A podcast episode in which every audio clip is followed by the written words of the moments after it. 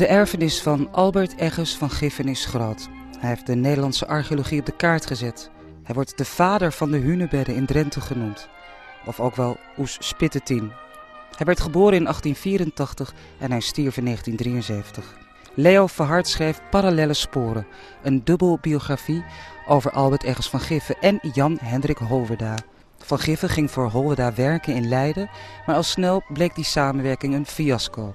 Het ene conflict volgde op het ander, het escaleerde alleen maar. Van Giffen trok naar het noorden van het land. Zometeen horen we een klein stukje van Van Giffen uit de krochten van ons radioarchief. En daarna Leo Verhard. Je luistert naar een podcast van Drenthe Toen. Uh, het museum als provinciale instelling kon eigenlijk geen leden hebben. En dus toen is deze vorm geko gekozen dat naast het museum een Drents prehistorische vereniging is gemaakt die wel leden kon hebben en die dus ook op die manier het uh, onderzoek uh, kon bevorderen uit eigen middelen.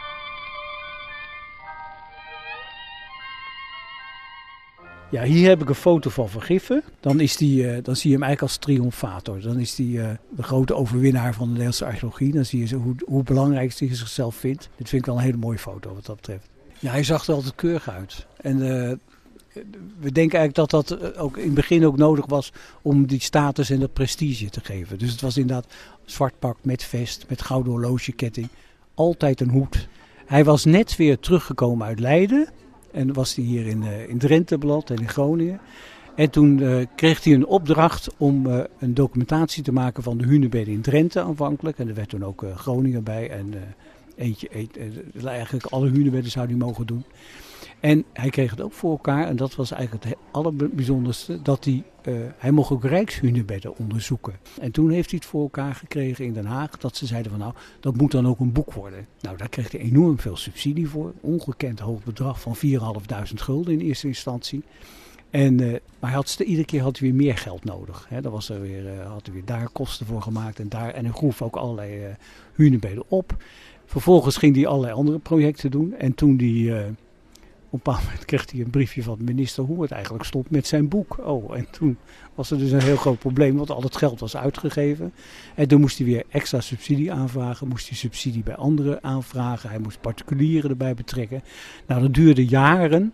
En een enorme toestand was dat, maar uiteindelijk is dat boek er wel te, gekomen. Dat is die grote hunebedden atlas waar uh, iedereen zo graag uh, in kijkt. En los van uh, nou ja, hoe, hoe hij dat zakelijk bestierde, heeft hij goed werk gedaan. Ja, hij heeft ze geweldig gedocumenteerd. Dat is de eerste. Hè. Dus die, die, die was van heel hoge kwaliteit in foto en in plattegrond en dergelijke. En vervolgens heeft hij ook al het materiaal wat hij daar onderzocht en opgroef, heeft hij bestu bestudeerd of in ieder geval gedocumenteerd. Want van Giffen was niet een man die heel erg geïnteresseerd was in vondsten. Hij was heel erg geïnteresseerd in grondsporen en opgravingen. Maar het uitwerken van vondsten, daar had hij uh, een broertje dood aan. Dat deed hij niet zo graag. schrijven kon hij ook al niet? Uh, hij kon wel schrijven, maar het was geen makkelijke schrijver. Hij, hij, uh, het, hij had er ook ontzettend weinig tijd voor. Dat, hij, had hij schreef in de trein of in een hotel of overal tussendoor was hij al mee bezig. En uh, daar kwam nog bij dat als hij dan een tekst uiteindelijk had ingeleverd, dan uh, nou, er waren de uitgevers of de redacteuren die, uh, die vreesden hem. Want dan kwam dus de eerste druk, die proef, die kwam dan terug. En die werd dan helemaal verknipt en aan elkaar geplakt. En met tussenzinnen en de hele rad. En dan kon je weer helemaal opnieuw beginnen. Dus nee, dat was allemaal heel erg moeilijk. En hij had het wel eens over dat hij dan, als hij dan weer zo'n opdracht moest afronden. En die publicatie moest doen, laten verschijnen. Dan zei hij wel van ja, ik moet weer strafregels schrijven, want uh, hij vond het niet echt leuk. We zitten in de jaren 20 van de vorige eeuw. Hij krijgt dus opdracht uiteindelijk om al die hunebedden te onderzoeken.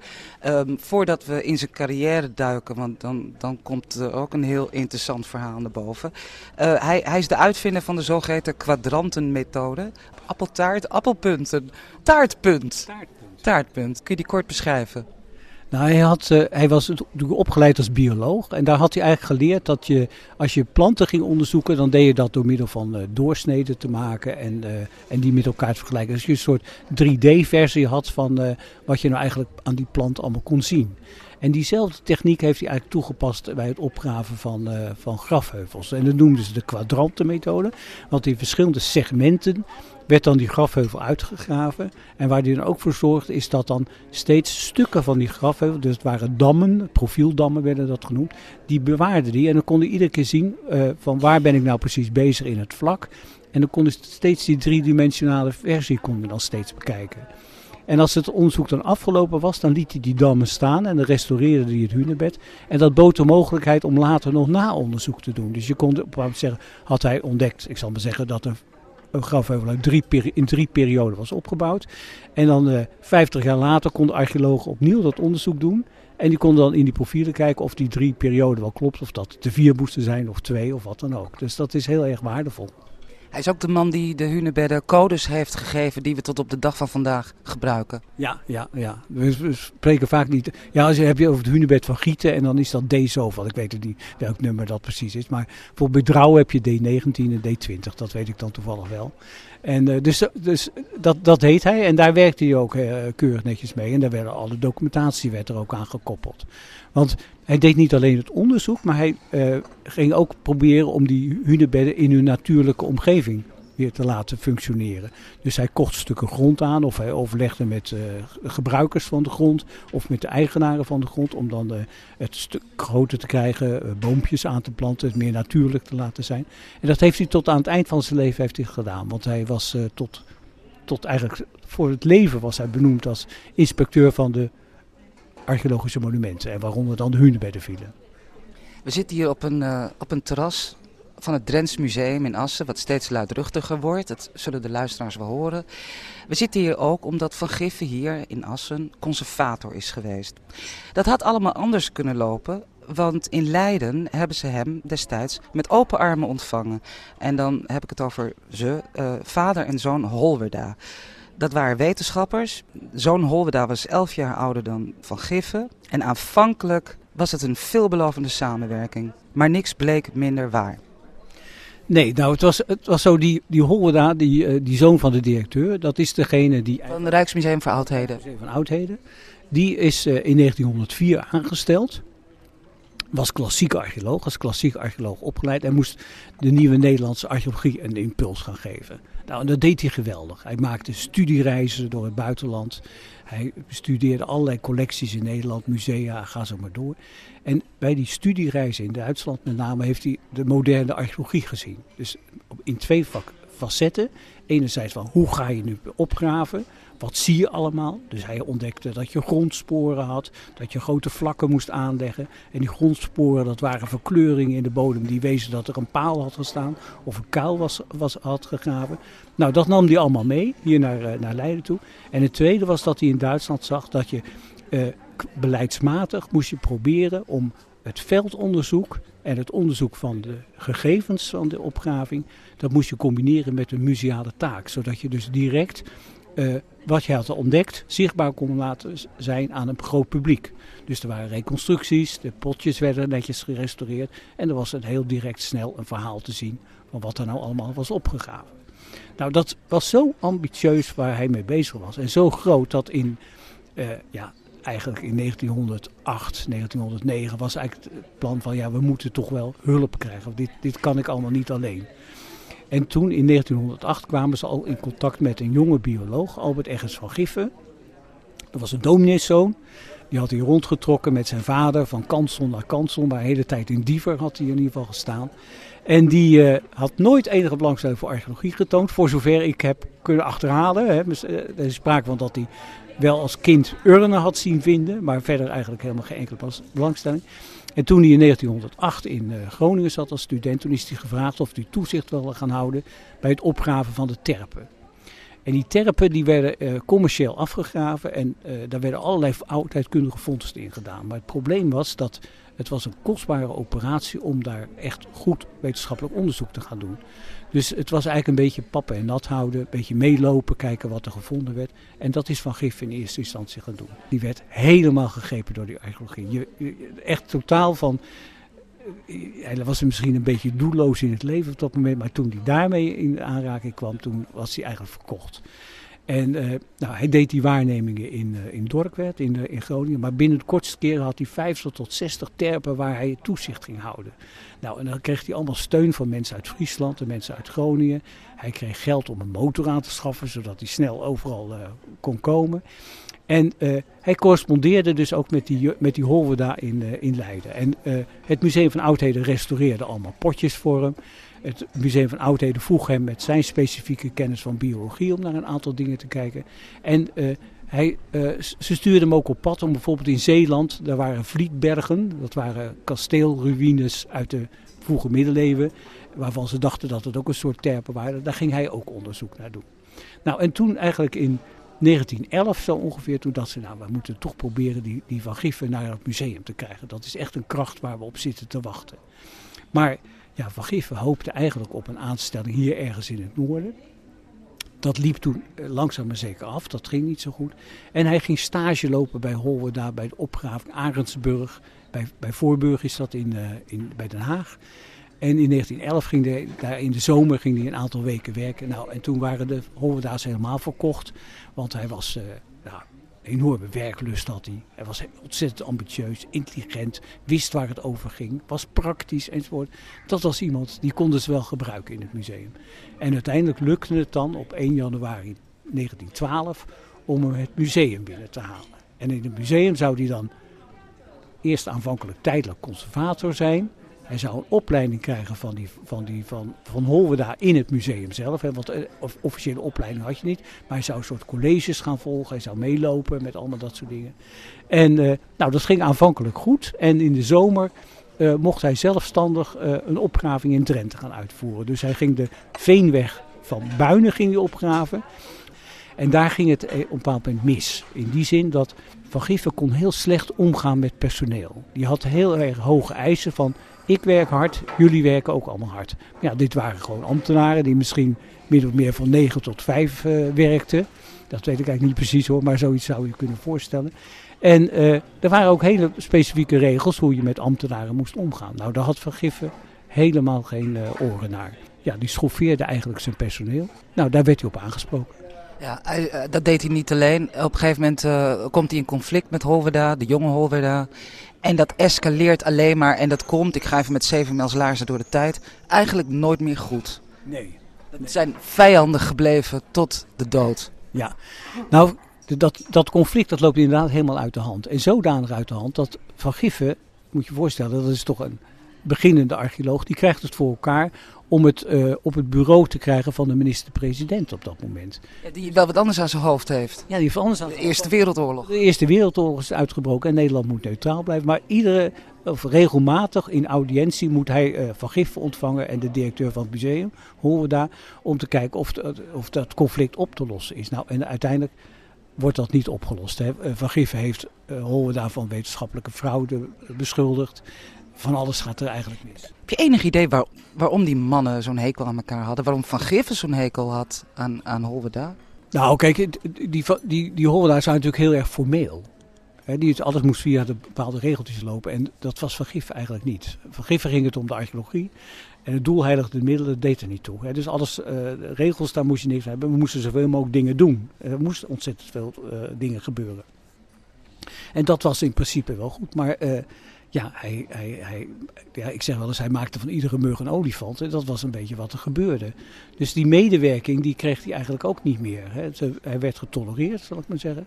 En er, was, ja, er moest een oplossing komen. En toen, eigenlijk was het in uh, 1916, is er toen een oplossing bedacht dat het zou wel eens zo kunnen zijn dat uh, Van Giffen dan naar het noorden zou kunnen verhuizen, naar Groningen. Daar zou hij aanvankelijk gedetacheerd worden.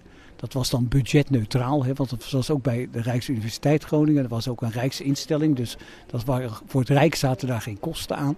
Uh, dan gaat hij daar beginnen en dan binnen de kortste keren krijgt hij het voor elkaar dat hij uh, conservator wordt uh, hier eerst in het Drents Museum en hij wordt ook conservator in het Groningen Museum. Dus hij heeft op dat moment, al net als hij hier is, heeft hij al twee belangrijke functies te pakken. En dan in 1919 krijgt hij eerst vanuit de universiteit een paar lokalen toegewezen om al die activiteiten die hij aan het doen is met opgaven om daar werkruimte voor te krijgen. En dat wordt in 1920, op 1 januari, wordt dat echt het instituut, zijn nieuwe instituut, het Biologisch Archeologisch Instituut. Ik wil nu graag naar het, uh, naar het hoofdstuk dat er niet in staat, maar waar het eigenlijk, wat, wat je eigenlijk op heel veel pagina's uh, kunt lezen, namelijk Leo Verhard en Van Giffen. Het is onomstotelijk dat je hem als een groot archeoloog neerzet. Zijn erfenis is groot. Heeft de archeologie op de kaart gezet. Maar gaandeweg vloor je ook je waardering voor hem. Nou, kijk, aan mensen zitten altijd twee aspecten. Dat is namelijk het persoonlijke en het werk. Dus als je naar het werk kijkt, dan zeg je van nou, het is onvoorstelbaar wat hij tot stand heeft gebracht. In fysieke zin, hè, van de hoeveelheid, eh, als je kijkt hoeveel opgravingen hij heeft uitgevoerd en eh, publicaties en ga, ga zo maar door. Dat is, en, en de organisatie van de archeologie en uh, de Nederlandse archeologie promoten in het buitenland. Dat, is allemaal, dat was die dag en nacht was hij daarmee bezig. En daarnaast heb je hem als mens. En als mens komt hij natuurlijk... Uh, aanvankelijk denk je van, ja, je kent in eerste instantie de verhalen van de, nou, de grote archeoloog uit Groningen. En hoe meer je leest over hem, en je kent natuurlijk allemaal correspondentie, en uh, je weet al hoe andere mensen over hem oordelen en wat hij allemaal gedaan heeft. Ja, dan komt er toch een toch moeizamere persoon naar voren hoor, waar ik dan toch wat minder waardering voor krijg. Dat, uh, het Ik citeer even, humeurig, kort aangebonden, eigen gereid, heet gebakerd, lastig heerschap. Ja, dat was, dat, dat was eigenlijk nog op het moment toen, toen hij in Leiden uh, ging vertrekken, wat ik zou zeggen. Want hij bleek, dat, dat bleek zijn karakter trekken te zijn. Maar wat je daarna ziet is dat hij natuurlijk, hij is heel erg bezig om macht te krijgen in, in, de, in de archeologie. En dat gaat op manieren waarvan ik zou zeggen, nou dat zou je niet moeten doen. Maar misschien is dat, hoort dat erbij, dat weet ik ook niet. Uh, ik opereer in ieder geval niet zo. Dat is, uh, maar kijk, een leugentje om best wil, uh, dingen dwars zitten, activiteiten ontwikkelen die echt opgericht zijn om Leiden eruit te werken, om die Hoorda eruit te werken. Allemaal, allemaal dat soort dingen, daar is hij continu mee bezig. En uiteindelijk krijgt dat dan, na de oorlog, krijgt hij dan de ruimte van het ministerie om een nieuwe regeling voor de archeologie in uh, Nederland te ontwerpen. En nou ja, dat is echt zijn grote overwinning, want dan uh, wordt Leiden er helemaal uitgewerkt. Dat is, die heeft geen enkele rol meer, speelt hij in de Nederlandse archeologie. En er komt één rijksdienst die uh, de, Nederlandse archeologie verder gaat vormgeven. En uh, nou, het hoofd van die dienst is natuurlijk is Van Giffen. En daarnaast is hij nog, ook nog directeur van het Biologisch Archeologisch Instituut in, in Groningen. Dus in die periode, ik zeg altijd in 1950, dat is echt, dan heeft hij alle posities die je maar kan voorstellen, die worden door hem bezet. Het zou een mooi eind zijn van ons gesprek. Waar het niet dat ik toch nog een paar jaar terug wil in de tijd. Uh, de Tweede Wereldoorlog. Um, het denken over de Tweede Wereldoorlog, dat, dat verandert eigenlijk uh, continu. Je kunt Van Giffen geen collaborateur noemen. Of fout. Maar er zijn wel dingen voorgevallen tijdens de bezetting. Waar wij nu onze wenkbrauwen over fronsen. Uh, ja, Kijk, de, die, die, die, die bezettingsperiode is een hele gevoelige periode. Want het punt is dat die, die Duitsers, die hadden heel veel belangstelling voor archeologie. Want door middel van die archeologie kon je een paar dingen aantonen. A, dat we grote volken, Germaanse volken waren die overal uh, hadden gezeten. Dus we waren verwant uh, met elkaar. En ten tweede konden die sporen, konden, laten we zeggen, legitimeren dat je dat gebied op een bepaald moment bezet had. Hè. Dus er, er, gingen expedities naar, naar de Oekraïne om aan te tonen dat daar Germanen hadden gezeten bijvoorbeeld. Dat, uh, nou, dat bleek dan uiteindelijk niet zo, maar goed, dat, dat soort dingen werden gedaan. Dus uh, het was de Duitsers heel erg aan gelegen dat die archeologen mee zouden werken met, in, in, dat, in dat Duitse model. En uh, al, eigenlijk al heel snel aan het begin van de oorlog bleek dat Van Giffen, als, als het ging om directe medewerking, propaganda en nationaal-socialistische archeologiebedrijven, daar moest je niet bij hem zijn. Dus dat, dat was eigenlijk wel duidelijk voor de Duitsers. Dus die kozen een ander pad en die hebben op andere mensen uh, zijn, ze, zijn ze mee aan de slag gegaan, zal ik maar zeggen. Maar ondertussen, Van was wel de belangrijkste archeoloog in Nederland. Hij had overal een vinger in de pap en iedereen luisterde naar hem enzovoort. Dus hij had best veel macht en, en eigenlijk veel mogelijkheden. En je ziet dat hij toch in de loop van de oorlog zijn er een aantal dingen waar ik nu, als je nu weer terugkijkt, zou je zeggen van nou, toch een beetje buiten de lijntjes gekleurd. Of toch een beetje, toch een beetje aan de kant dat je zegt van nou, had beter niet gekund. Dus hij kreeg bijvoorbeeld in 1941 de mogelijkheid om met een Duitse organisatie samen in Bretagne een grafheuvel te gaan opgraven. Hij had er al een grafheuvel in 1939 onderzocht, toen het nog niet bezet was. En nu kreeg hij de mogelijkheid om dat, dat tweede grafheuvel te onderzoeken. Ja, dat ging voor hem gelukkig niet door, want uh, hij wilde zijn vrouw meenemen en uh, er waren vervoersproblemen. Er was niet voldoende benzine en er was ook geen pasje voor zijn vrouw, dus hij heeft eigenlijk gezegd dat gaan we niet doen. Maar dan zie je eigenlijk in de loop van de oorlog dat hij dus ook, laten we zeggen, toch ook wel aan, met de Duitsers meedenkt en meewerkt. Hè. Dus op, ik, en je ziet dat met name bij projecten bijvoorbeeld als de aanleg van vliegvelden. Dus hier in Drenthe wordt een vliegveld in Zijen en in Havelte wordt dan aangelegd. Nou, hij is dan bereid om, uh, om daar uh, het archeologisch vooronderzoek te doen. Of zorgen dat dat eigenlijk archeologievrij wordt opgeleverd. Dat de, dat de Duitsers daar verder makkelijk aan de slag kunnen. En dat zijn momenten dat je denkt, als je nu, nu zo terugdenkt, denk van ja, maar misschien had hij dit veel beter kunnen traineren. Had hij kunnen zeggen, nou dit en dat en zo. Er waren best wel mogelijkheden voor. Want het gek is eigenlijk, die Duitsers die waren natuurlijk heel erg bezig wel met die oorlog. Maar waren ook bezig met het cultureel erfgoed. Want archeologie vonden ze dan belangrijk vanuit ideologische overwegingen. Maar ook in werkelijkheid. Hè. Er was een Duitse archeologe die was in Nederland gestationeerd. Die bij alle uh, werkzaamheden die met verdedigingslinies te maken hadden. Ging zij kijken wat de archeologische waarden waren van het terrein, zo zouden we het tegenwoordig zeggen. En er werd vooronderzoek gedaan of er werd iets uh, geschoven in de plannen om dat uh, archeologie dan toch te sparen. Tot slot, hij is in 1973 overleden. Je hebt hem nooit ontmoet, maar je kent natuurlijk mensen die hem gekend hebben. In Drenthe wordt hij wel het Spittetien genoemd, ook al ken ik niemand die dat zegt. Het zal wel van voorgaande generaties zijn. Vader van de Hunebedden, groot archeoloog. In hoeverre ben jij zelf als archeoloog schatplichtig aan hem? We, staan op de schouders van grote. Dus, je ziet dus alle hoogleraren die op met. Dus ik, ik ben bij professor Modderman, uh, heb ik kort, heel kort gestudeerd. En daarna bij Lau Kooijmans. En uh, dat zijn allemaal mensen die allemaal opgeleid zijn door Van Giffen of door hun leerlingen. Uh, toen hij met pensioen ging, waren hadden wij in Nederland belangrijke archeologische instituten die aan universiteiten waren verbonden. En zoals je ziet, de inrichting, dat is precies het Biologisch Archeologisch Instituut. Dat is dus een, ook met grote aandacht voor natuurwetenschappen, waar Giffen zo, uh, zo prat op ging. En wat ook een voorbeeld was voor mensen in het buitenland. Hè. Dus Nederland was in de jaren 50, 60, was echt een voorbeeldfunctie van hoe ne Nederlandse archeologie werd bedreven met die sterke natuurwetenschappelijke insteek met grootschalige opgravingen, et cetera. En ja, daar maakten wij naam mee. Dus in die zin ben ik, zie je dat ik dat ook eigenlijk allemaal mee heb gekregen. Je luisterde naar een podcast van Drenthe Toen. Leo Verhart sprak over zijn dubbelbiografie Parallelle Sporen. De twee grondleggers van de moderne Nederlandse archeologie.